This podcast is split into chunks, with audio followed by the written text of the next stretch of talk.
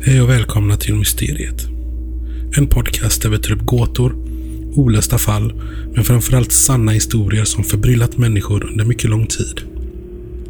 Vi kommer att ta upp berättelser från all världens hörn och kommer att omsorgsfullt välja ut de absolut bästa olösta mysterierna. Kanske kan vi komma närmare sanningen idag. Kanske skapar vi ännu mer frågor. Men en sak som är säker är att vi, idag, kommer att ta ett steg in i det oförklarliga. I det första avsnittet tar vi upp ett mycket märkligt fall som vi hittade på svenska sajten Dystopia.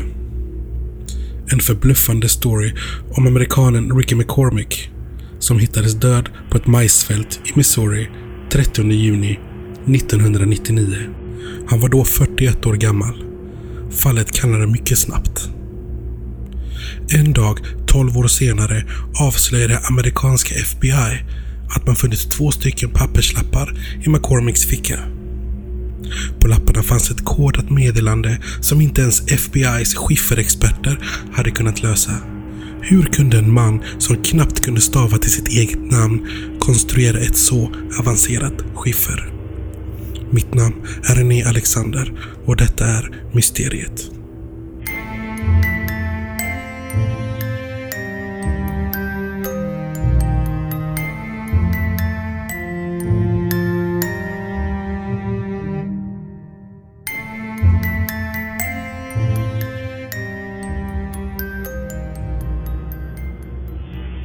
Ricky McCormick var en strulputte.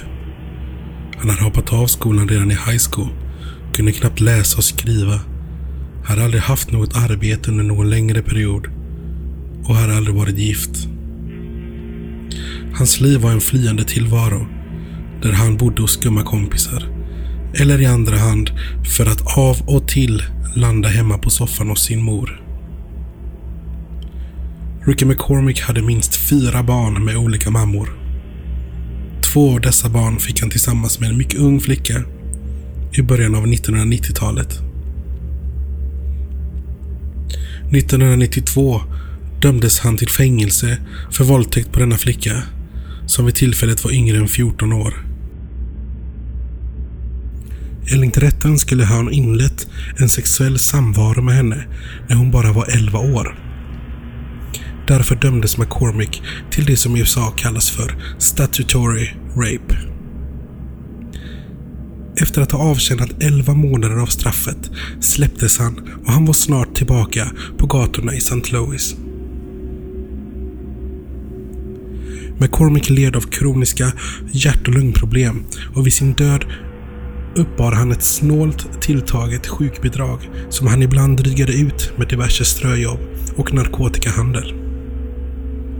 Enligt en släkting levde han i sin egen värld och det finns därför misstankar om att han utöver sina kända besvär också led av någon form av psykisk sjukdom.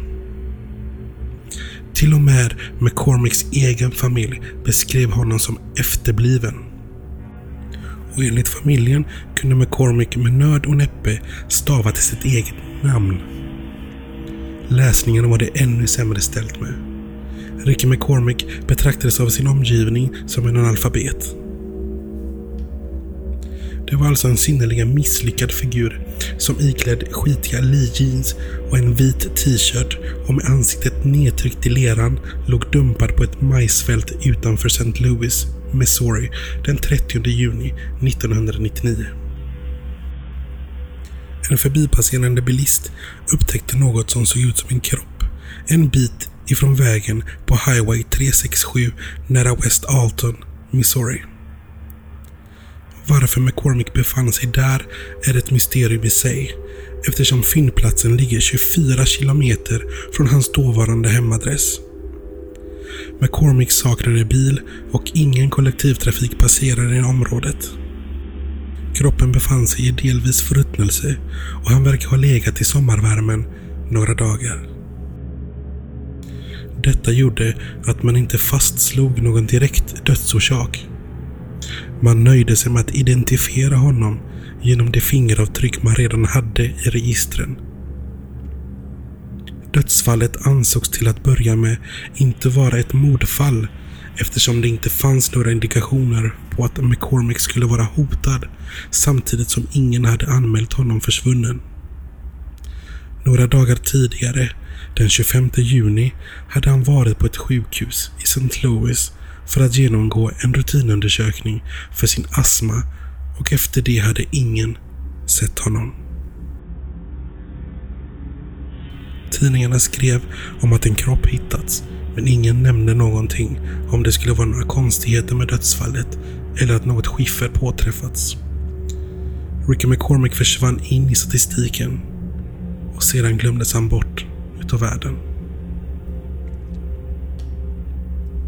Det var först 12 år senare, i mars 2011, som FBI bestämde sig för att etikera dödsfallet som mord. McCormick hamnade på FBI's hemsida. I samband med detta avslöjades också att man på kroppen anträffat två lappar med tecken, siffror och bokstavskombinationer i långa rader i vad som påminde om ett skiffer. Koden är skriven på två olika papperslappar och båda två ser ut på samma sätt. Ett virvar av bokstäver och siffror som ibland är inneslutna av parenteser. Dan Olson, chef för FBI Cryptanalysis and Racketeering Records Unit, CRRU, säger att det finns skäl att tro att koden kan leda till information som kan komma att sprida ljus över det som FBI idag betecknar som ett mycket märkligt mord. McCormick och hans lappar rankas högt på CRRUs topplista över olösta fall. Koderna förblir olösta och McCormicks eventuella mördare är fortfarande okänd för polisen. Är du intresserad av hur dessa lappar såg ut? Gå in på vår Facebook-sida eller Instagram-sida där vi heter Mysterietpodden.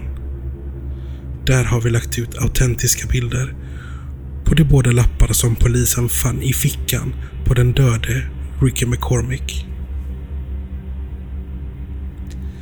FBI's kodknäckare löser vanligen ett standardskiffer på ett par timmar. Man arbetar metodiskt och i fyra steg.